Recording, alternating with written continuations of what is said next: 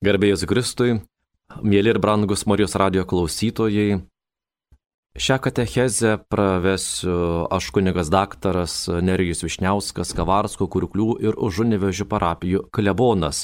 Ir šiandien mūsų katechezės tema bus, ką keičia tikėjimas Kristumi žmogaus gyvenime. Apskritai, iš kur kyla į Kristų tikinčio žmogaus moralė, pareiga, kuo ji paremta ir kodėl krikščionis tikintis į Kristų privalo skirtis nuo kitų aplinkinių žmonių, netikinčių Dievą. Tikrasis Jėzaus original, originalumas yra jisai pats, kaip Dievo ir žmogaus vienovė. Beje, šis Dievas ir žmogus sako, aš atėjau žiepti žemėje ugnies ir taip norėčiau, kad ji jau liepsnotų. Ir toliau. Gal manote, kad esu atėjęs atnešti žemė ramybės? Nesakau jums, neramybės, o nesantarvės. Tai galingi žodžiai. Kalbėdamas apie kančią, jis pirmiausiai turi galvoje savo paties kančią, o juk yra meilės kančia. Šiuo atžvilgiu ugnis, naujasis erškėčių krūmas, kuris dega bet nesunaikina. Ugnis, kurią būtina perduoti Jėzus ateina ne tam, kad patogiai gyventume, bet sviedžia ugnį į žemę. Didelę, gyvą dieviškos meilės ugnį. Juk tai šventoji dvasia, deganti ugnis. Vienoje Origeno paliudytoje apokrifinėje Jėzaus ištarmėje pasakyta, kas priartėja prie manęs, priartėja prie ugnies. Vadinasi, kas prieina prie jo, turi būti pasiryžęs leisti ugnį deginti save. Šią ištarą kaip tik šiandien turėtume prieš priešinti, nieko nesakančiai, subanalintai krikščionybei, kuris siekia kelti kuo mažiau reikalavimų ir būti patogi. Krikščionybė didi, nes didi yra meilė. Ji dega, bet tai nenaikinanti, o tamsa nušviečianti tyra, laisva ir didinga ugnis. Todėl būti krikščioniu reiškia rizikingą pasiryžimą patikėti save šiai deginančiai ugniai. Kadangi esu katalikų bažnyčios kunigas, jos narys, ir drįščiau teikti, kad katalikų bažnyčia ilgus amžius buvo ir dabar yra meta ir pankultūra, o ne kažkokia tai subkultūra. Todėl mes save priskiriantis krikščioniškai kultūrai kuri Europai davė josios tapatybę, tikėjimą vertybės, kultūrą, meną, architektūrą, geriausius jos universitetus. Man ši pasaulyje žiūra yra svarbi dėl to, kad ji turi dviejų tūkstančių metų patirtį, mokymą. Ir tai yra išbandyta ir patikrinta daugelio tautų ir individų gyvenimu. Katalikiškoji kultūra iš savo lobino tikrai turi ką pasiūlyti ypač šiandienos žmogui, pavargusiam nuo rutinos, vartojimo, materializmo, tam, kad žmogus būtų laimingas ir jaustų gyvenimo prasme mūsų skubančiame pasaulyje. Turime pripažinti, kad mūsų laikotarpio žmogus yra kamuojamas ir alinamas vartotojiškos, malonumų mėgavomiusi, materializmo kabutėse kultūros. Todėl jau nebesusimasto apie savo gyvenimo tikslą, jo prasme, netgi ir apie tai, kas jo laukia po mirties. Ir paniškai bijo visko, kas byloja apie mirtį. Taigi, dabartinis žmogus pasižymi praktiniu ir metafiziniu netoleregiškumu. Yra susikoncentravęs į čia ir dabar, į materijos ir jūslių teikiamas galimybes tai nekantraus, lyguistai spontaniško, sunkiai įsipareigojančio žmogaus psichologija. Juk atrodytų, šiandien žmogus turi viską, ypač vakaruose. Tačiau būtent vakarų kultūros žmogus šiandien vis dažniau serga depresija, save naikina narkotikais, alkoholiu, nes jaučiasi nelaimingas. Jėzaus Kristaus ir jo įsteigtos bažnyčios mokymas gali pasiūlyti dabarčiai ir ateičiai gilų ir išsamų žmogaus pažinimą. Žmogaus gyvenime sekant Kristumi, svarbiausia išsaugoti savo, kaip žmogaus integralumą, apimant gamtą, atgamtę, kultūrą, visuomenę. Tačiau tikėjimas yra tas esminis viską integruojantis elementas. Čia norėčiau pasitelkti Šventojo Augustino mintį. Su jumis esu brolis, o jums esu krikščionis. Ir vienybės ir skirtumo kriterijus pateikia Kristus. Vienijuosi su visais žmonėmis, visais autentiškais pagrindais ir elementais. Ir skiriuosi tuo, ką Kristus naujo įnešė į žmonijos kultūrą ir jos istoriją. Kas išskyrė krikščionį praeitie ir dabartyje iš kitų pasaulio tautų, aplinkinių žmonių? Tai jo aukšta moralė ir kultūra, paremta geranoriškumu, gera valia, tikėjimu ir meilė artimui. Čia mums labai tenka vienas pavyzdys iš ukrainiečių rašytojos Svetlanos Aleksėjevič parašytos knygos Laikas iš antrų rankų. Gyvenimas ant socializmo grįvėsių. Paklausykime jos daryto interviu su ruso, kuris kariavo Suomijos kario žmona. Tai paaiškina, iliustruoja, ką mums suteikia tikėjimas į Kristų, ką keičia mūsų gyvenimuose ir kokie mes galime tapti, kai Dievo išsižadame, kai netenkame ne tik tikėjimo, bet kartu su juo ir moralės, taip pat ir savigarbos. Tampame ne tik savo aistrų vergais, bet tampame vergais savo viršininkų ir ponų. Paklausykime šios jaudinančios ištraukos. Kareivio žmona kariavusio Suomijos kare pasakoja. Mano vyras iki paskutinio atodusio laukė, kol sugrįž socializmas. Jau krito Berlyno siena, Žlugo Sovietų sąjunga, o jis vis dar laukė. Amžiams susipyko su geriausiu draugu, kai šis pavadino vėliavą raudonu skurliu. Mūsų raudonoje vėliava. Purpurinė. Vyras kovėsi Suomijos kare. Už ką kovėsi, taip ir nesuprato. Bet reikėjo kariaut. Ir kariavo. Apie tą karą nieks nekalbėjo. Vadino jį ne Suomijos karu, o Suomijos kampanija. Bet vyras savo žmonai, šeimai, vaikams pasakojo patyliukais. Namie, retai, bet prisimindavo. Išgėręs. Jo karo peizažas, žiema, miškas, metro storio sniego sluoksnis. Suomija kariavo su slidėmis, baltais, maskuojamaisiais apseustais. Pasirodydavo taip netikėtai, lyg būtų nukritę iš dangaus kaip angelai kaip angelai, sakydavo vyras. Galėdavo per naktį išpjauti visą užkardą, visą kuopą. Žuvusieji. Žuvusieji vyro prisiminimuose amžiais gulėdavo kraujo klanuose. Iš apsimiegojusio žmogaus visat išteka labai daug kraujo. Kraujo būdavo tiek, kad suėsdavo metro storio sniegą. Po karo vyras šeimai nebegalėjo net vištos papjaut, net triušio labai graudindavosi pamatęs bet kokį negyvą gyvūnėlį ar pajutęs šiltą kraujo kvapą. Bijojo aukštų medžių tankelaje, tokiuose medžiuose. Dažniausiai slėpdavosi suomių snaiperiai. Juos vadino gegutėmis. Noriu pridurti, nuo savęs.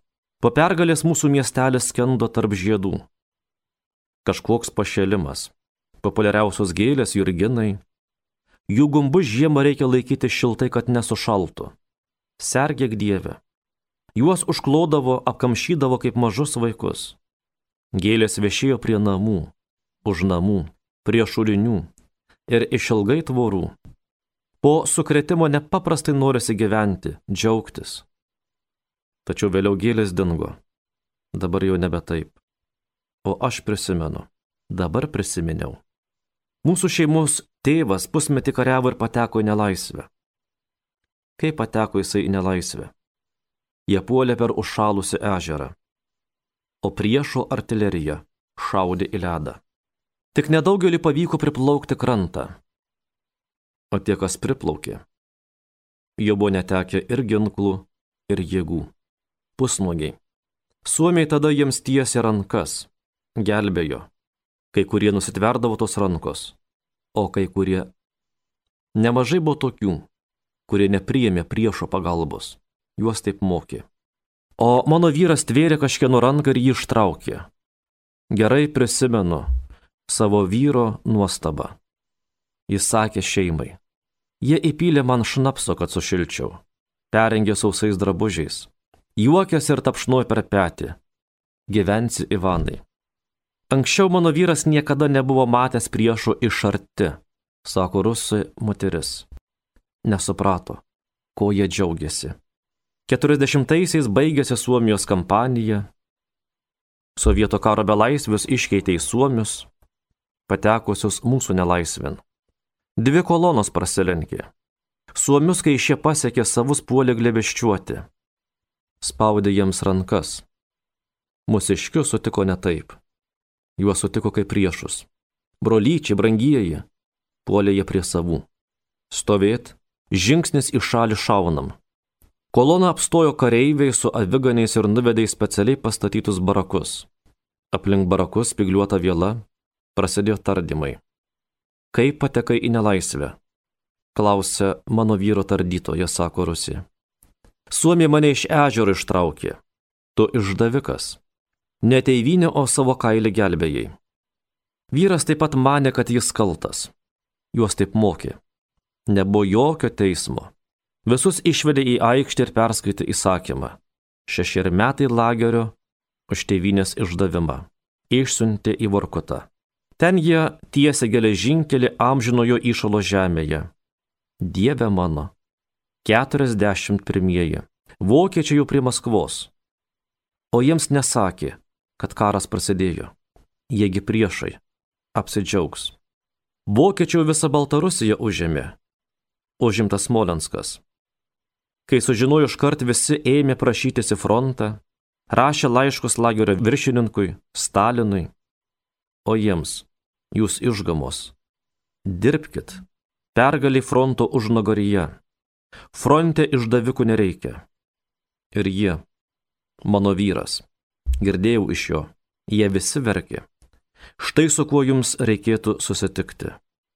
Tačiau mano vyro jau nebėra. Lageris jam sveikatą suėdė ir pertvarka. Baisiai krimtosi. Negalėjau suvokti, kas dedasi. Šaliai, partijai. Lagerį per šešerius metus buvo spėjęs pamiršt, kaip atrodo obuolys ar kopūsto galva. Paklodė ir pagalvė. Tris kartus per dieną penėdavo putra. Duonos kepalas. 25 žmonėms. Miegojo. Po galvą pliauska. Vietai čiužinio. Lentos ant grindų. Tai štai, mėlyjeji, Kuo gali pavirsti žmogus, kai netenka tikėjimo į Dievą?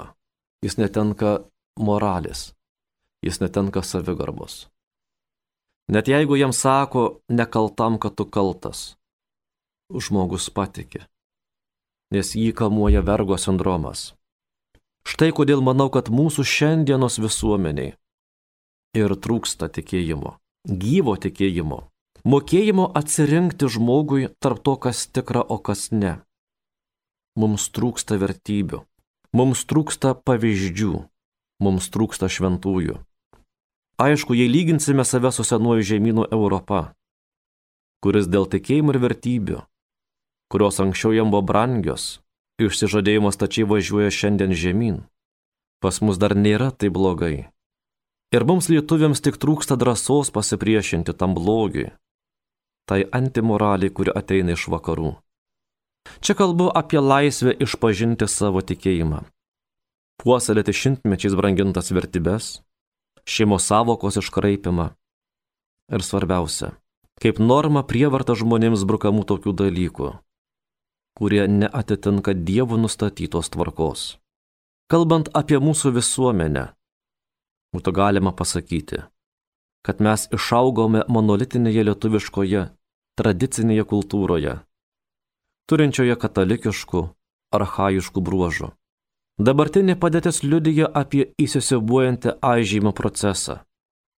Mes prarandame savastį, tačiau nieko naujo savo neturime. Subkultūrų įvairovė liudyja, kad mes viską skolinamės ir perimame iš kitur. Jei ankstesniais laikais buvo galima daug ką pamatyti ir prognozuoti, tai šiais laikais tai padaryti sudėtinga. Dėl daugybės dėmenų ir nežinomųjų egzistavimo. Praktiškai kuo toliau, tuo mažiau mus kas nors vienis. Visuomenė bus fragmentuota. Ši situacija gimdo pasimetusio, be šaknų ir be ateities vizjo žmogaus tikrovę. Iš esmės tai nesaugaus, neurotiško ir lengvai manipuliuojamo žmogaus istorija. Ir čia norėčiau prisiminti žydų patarlę, kuri kaip tink tinka mūsų kalbamai temai. Žydai sako, kai pakyla stiprus vėjas, nuo žemės aukštyn pirmosios pakyla šiukšlės, bet nepakyla ažuolai, turintys gėlės šaknis, tvirtus kamienus jie nelinksta ten, kur pučia vėjas. Tačiau visgi, visgi vakarų civilizacija, pasak filosofo Poperio, buvo sėkmingiausia žmonijos istorijoje. Kristus ir jo idėjos buvo bendras daugelio tautų ir kultūrų variklis. Vienybės pagrindas ir vieningo tikslo mąstymas. Čia norėčiau pasitelkti ir Kristaus žodžius. Jei karalystė susiskaldžiusi, tokia karalystė neišsilaiko. Ir jei namai suskilę, tie namai neišlieka. Katalikiškoji vizija yra vienybė įvairovėje. Tačiau įvairovės elementai negali tarpusavyje radikaliai skirtis, kad nebegalėtume jų suderinti, komponuoti į bendrą visuomenės, kultūros ir laikmečio mozaiką. Verta prisiminti, kas pirmųjų krikščionių misionierių Gerosios naujienos skelbimai padėjo susiformuoti pirmaisiais amžiais, ankstyvai bažnyčiai. Kuomet kūrėsi pirmoji bažnyčia, naujos bendruomenės greitai susidūrė su įvairiomis problemomis ir klausimais, į kuriuos ne visuomet galiu rasti atsakymus Evangelijose. Apaštalai savo laiškais stengiasi patenkinti šiuos poreikius. Jų atsakymai pagristi keliais esminiais įsitikinimais. Kad žmogus yra pašauktas Dievo ir pašventintas malone. Šie įsitikinimai tai kriterijai moralinėms normoms suformuoti ir atrinkti. Esminiai ir visada svarbus krikščioniškai moraliai. Tačiau konkretus priesakai ankstyvuosiuose krikščionybės raštuose yra sąlygoti ankstyvųjų bendruomeninių reikmių. Jie išplaukia iš šių reikmių ir taip pat yra jų apriboti. Nemažą ankstyvosios krikščionybės raštų dalį - apaštalų laiškai, Evangelija pagal Joną, apreiškimo knyga - sudaro moraliniai pamokymai. Krikščionybė juose pateikiama kaip etinė religija, kur etika yra tiesiogiai susijusi su tam tikrais religiniais įsitikinimais apie Dievą, žmogų ir pasaulį. Krikščionys per Kristų sutaikyti su Dievu yra gimę naujam gyvenimui, kaip dvasios pašventinti jo kūno nariai ir Dievo vaikai.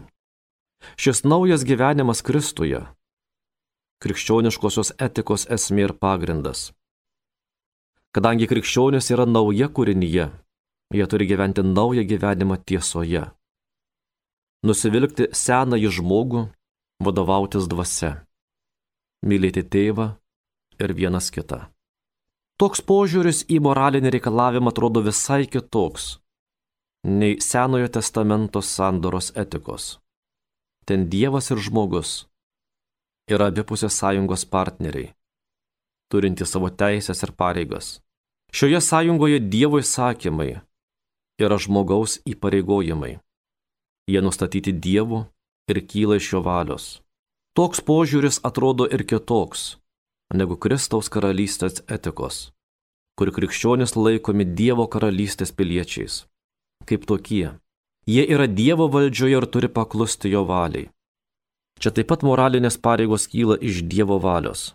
O ankstyvosios bažnyčios moralinis mokymas atvirkščiai žiūri į moralinius imperatyvus pirmiausia kaip į naujos būties ir gyvenimo Kristuje padarinius. Toks požiūris greičiau vadovaujasi principu. Pirma būtis, paskui veiksmas.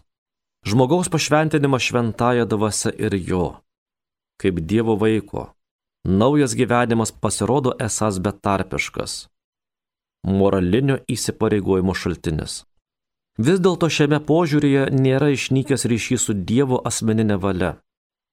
Per šventosios dvasios malonę žmogus tampa Dievo vaiku. Per Kristaus išganančią veiklą žmogus tampa jo kūno nariu. Krikščionio daugiau nebevaldo blogio galios. Kaip Dievo vaikas, jis pasiveda dangiškojo tėvo valiai. Kaip Kristaus kūno narys, jis pavaldus jam kaip galvai. Naujo žmogaus gyvenimą sudaro jo, kaip Dievo vaiko gimimas, suteikiantis jam naują egzistenciją ir kartu jo nuolankumas tėvo valiai, nustatantis naują santykį su Dievu. Svarbiausias ankstyvosios bažnyčios katechezės bruožas yra tas, kad ji nuolat pateikia moralinius pamokymus derindama su gerosios naujienos apie Kristaus gyvenimą bei išganimo darbą skelbimu ir apmąstymais apie jos reikšmę žmonijai. Moraliniai nurodymai visuomet remiasi žinia apie karalystę, naujų krikščionių gyvenimų Kristuje, naujų Dievo ir žmogaus santykių, kurį jis reiškia. Ankstyvosios bažnyčios kerigmai būdinga dėstymo tvarka. Pirma, skelbiama Dievo išgananti veikla žmogaus labui, tada moraliniai pamokymai. Tokia seka būtina, nes krikščioniui moralinio įpareigojimo šaltinis ir kriterijus kyla iš Dievo karalystės reikmių ir žmogaus, kaip Dievo vaiko Kristuje naujo gyvenimo. Krikščioniškoje teologijoje žmogaus veiksmų moralinį pobūdį iš esmės apsprendžia jo santykis su Dievo valia. Žmogaus veiksmai yra moraliai geri, jei jie sutinka su Dievo valia, ir moraliai blogi, jei nesutinka su ja. Bet Dievo valia nėra išreikšta vien taisyklių ir įstatymų rinkiniu. Tai pirmiausia vidinis pašaukimas. Kvietimas įgyvendinti užduotį, skirtą žmogui ir šiam pasauliui, universaliame Dievo plane. Žmogaus atsiliepimas į šį kvietimą apsprendžia jo veiksmų ir viso gyvenimo būdo moralumą. Jei žmogus ištikimai atsiliepia į šį kvietimą, jo veiksmai ir gyvenimo būdas yra moraliai geri. Bet jei jis neištikima šiam pašaukimui, jo veiksmai yra moraliai blogi. Kiekvieno žmogaus pašaukimas yra asmeninis ir unikalus, bet vis dėlto susijęs su bendru žmonijos pašaukimu. Dievas turi planą ne tik kiekvienam individui, bet ir visai žmonijai, visam pasauliui. Kiekvieno žmogaus asmeninis pašaukimas susijęs su šiuo aukštesniu, universaliu sumanimu ir galų gale jam tarnauja. Galutinis žmogaus ir pasaulio tikslas yra galutinis kriterijus jo veiksmų moraliniam gerumui. Kas prieštarauja šiam galutiniam tikslui, negali būti moraliai gera, nes žlugdo žmogaus gyvenimo prasme ir prieštarauja Dievo sumanimui apie žmogų ir pasaulį. Žmogus darydamas moralinius sprendimus stato ant kortos savo galutinį tikslą - gyvenimo prasme ir amžiną jį likimą. Čia norėčiau pacituoti ir popiežių emeritą Benediktą XVI, kuris mums sako, tikėjimas be meilės neįmanomas. Tikėjimas į Dievą, kuris yra meilė, kuris prisartino prie žmogaus, tapo kūnu, ir atidavė save mirčiai ant kryžiaus, kad mums išgelbėtų ir mums atvertų dangaus vartus ryškiai rodo, jog žmogus pilnatvę pasiekia tik mylėdamas. Šiandien, kai kultūrinės permainos neretai reiškiasi įvairiomis barbariškumo formomis, laikomomis kabutėse civilizacijos laimėjimais, šitai būtina aiškiai pabrėžti, sako popiežius emeritas. Tikėjimas moko, kad tikrasis žmogiškumas aptinkamas tik ten ir tada, kur žmogų gaivina iš Dievo ateinanti meilė, kur ji rodosi meilės, atjautos, dėmesio ir nesuinteresuoto tarnavimo kitam kupinais santykiais. Kur viršų ima valdžia, turtas, artimo išnaudojimas bei visko sukomercinimas siekiant savanaudiškų tikslų, kur vyrauja arogantiškas užsisklendimas savyje. Ten žmogus nuskursta, degraduoja, iškrypsta. Krikščioniškasis tikėjimas veiklus meilė ir tvirtas viltimi. Gyvenimą neapriboja, bet sužmogina. Padaro jį iki galo žmogišką, sako popiežius emeritas. Ir tarsi antrina į tai, kas krikščionį išskiria iš pasaulio. Ką tikėjimas Kristumi keičia žmogaus gyvenime. Duoda prasme ir laimę gyvenimui duoda moralę, kultūrą, gyvenimo tikslą. Šventajame rašte, laiške hebrajams rašoma, tikėjimas laiduoja mums tai, ko vilėmės, ir rodo tai, ko nematome. Šiais žodžiais tarsi norime pasakyti, kad tikrasis gėris, gyvenimo grožis ir šventumas plika akimi nematomas. Jais tiesiog reikia tikėti. Šiandien sukdamiesi regis niekuomet nesibaigiančių darbų ir rūpeščių rate. Mes dažnai nepastebime to, kas kasdien vyksta aplinkui. Kaip ypač sakydavom žinos atminties tėvas Stanislavas. Šiandienos žmogus nebemato nei saulėtekių, nei saulėlyčių, nei išskrendančių ar parskrendančių paukščių nieko, nes nuo ryto iki vakaro garbina švenčiausioje dėžutė namuose televizorių. Reikia išmokti tikėti. Tad nieko nelaukia pradėkime nuo pačių mažiausių, bet visiems pasiekiamų stebuklų. Tai reikia bent truputėlį praverti savo širdis. Kasdienybė. Turbūt kiekvienas yra patyręs akimirkų, kai netikėtai regis nedarydami nieko ypatinga. Pasijuntame laimingi. Kasdienybė, o ne kas kita. Šventąją, bažnyčios daktarę, misijų globėją padarė Jėzaus kudikėlio Teresę. Tai kasdien plaunamos vienuolyno grindys - šluota, grindų skuduras ir kiberas su vandeniu. Tapo jos šventumo įrankiais. Ir artimo meilė - malda už savo seseris. Tas jausmas būti laimingu pripildo mūsų širdis nepaaiškinamo, o kartais ir bauginamo džiugesio. Galbūt kam nors tai nutiko pamačius sode išdygusi daigelį arba šviesę žiemos naktį stebint tykiai krintančias naiges. Iščiausia, kad visa tai nutinka ko ne kiekvieną dieną, o nuoširdžiai šiomis akimirkomis pasidžiaugiame mes retai. Kas paneigs, kad tos akimirkos, jos, didžiausia čia ir dabar patiriama palaima. Tikėjimas visuomet turi priežastį ir tikslą. Tai nėra aklas kliuvimasis tuo, ko neįmanoma pamatyti. Priešingai, jis leidžia mums mėgautis paprastais dalykais ir patirti tikrą būties džiaugsmą. Juk iš tiesų, stebuklų labai daug. Kiekvienas žmogus yra tikrų tikriausias stebuklas. Tačiau atminkime, žmonės, kurie dažnai meldžiasi, labiau vertina gyvenimo teikiamą džiaugsmą ir yra laimingesni. Tikėjimas Kristumi mums padeda išsivaduoti iš savo kompleksų, gyventi be kaukių, be melo, vedmainyščių, pataikavimo ir apgaulės, gyventi tiesoje. Tikėjimas Kristumi ir gyvenimas pagal jų mokslą mums padeda gerbti kitą ir gerbti save pačius. Dažnai gali būti gyvenime, kad mes ieškome pateisinimo, lengvatų savo tikėjimo kelyje. Dažnai sakome, kad mūsų gyvenimas yra pilnas akmenų.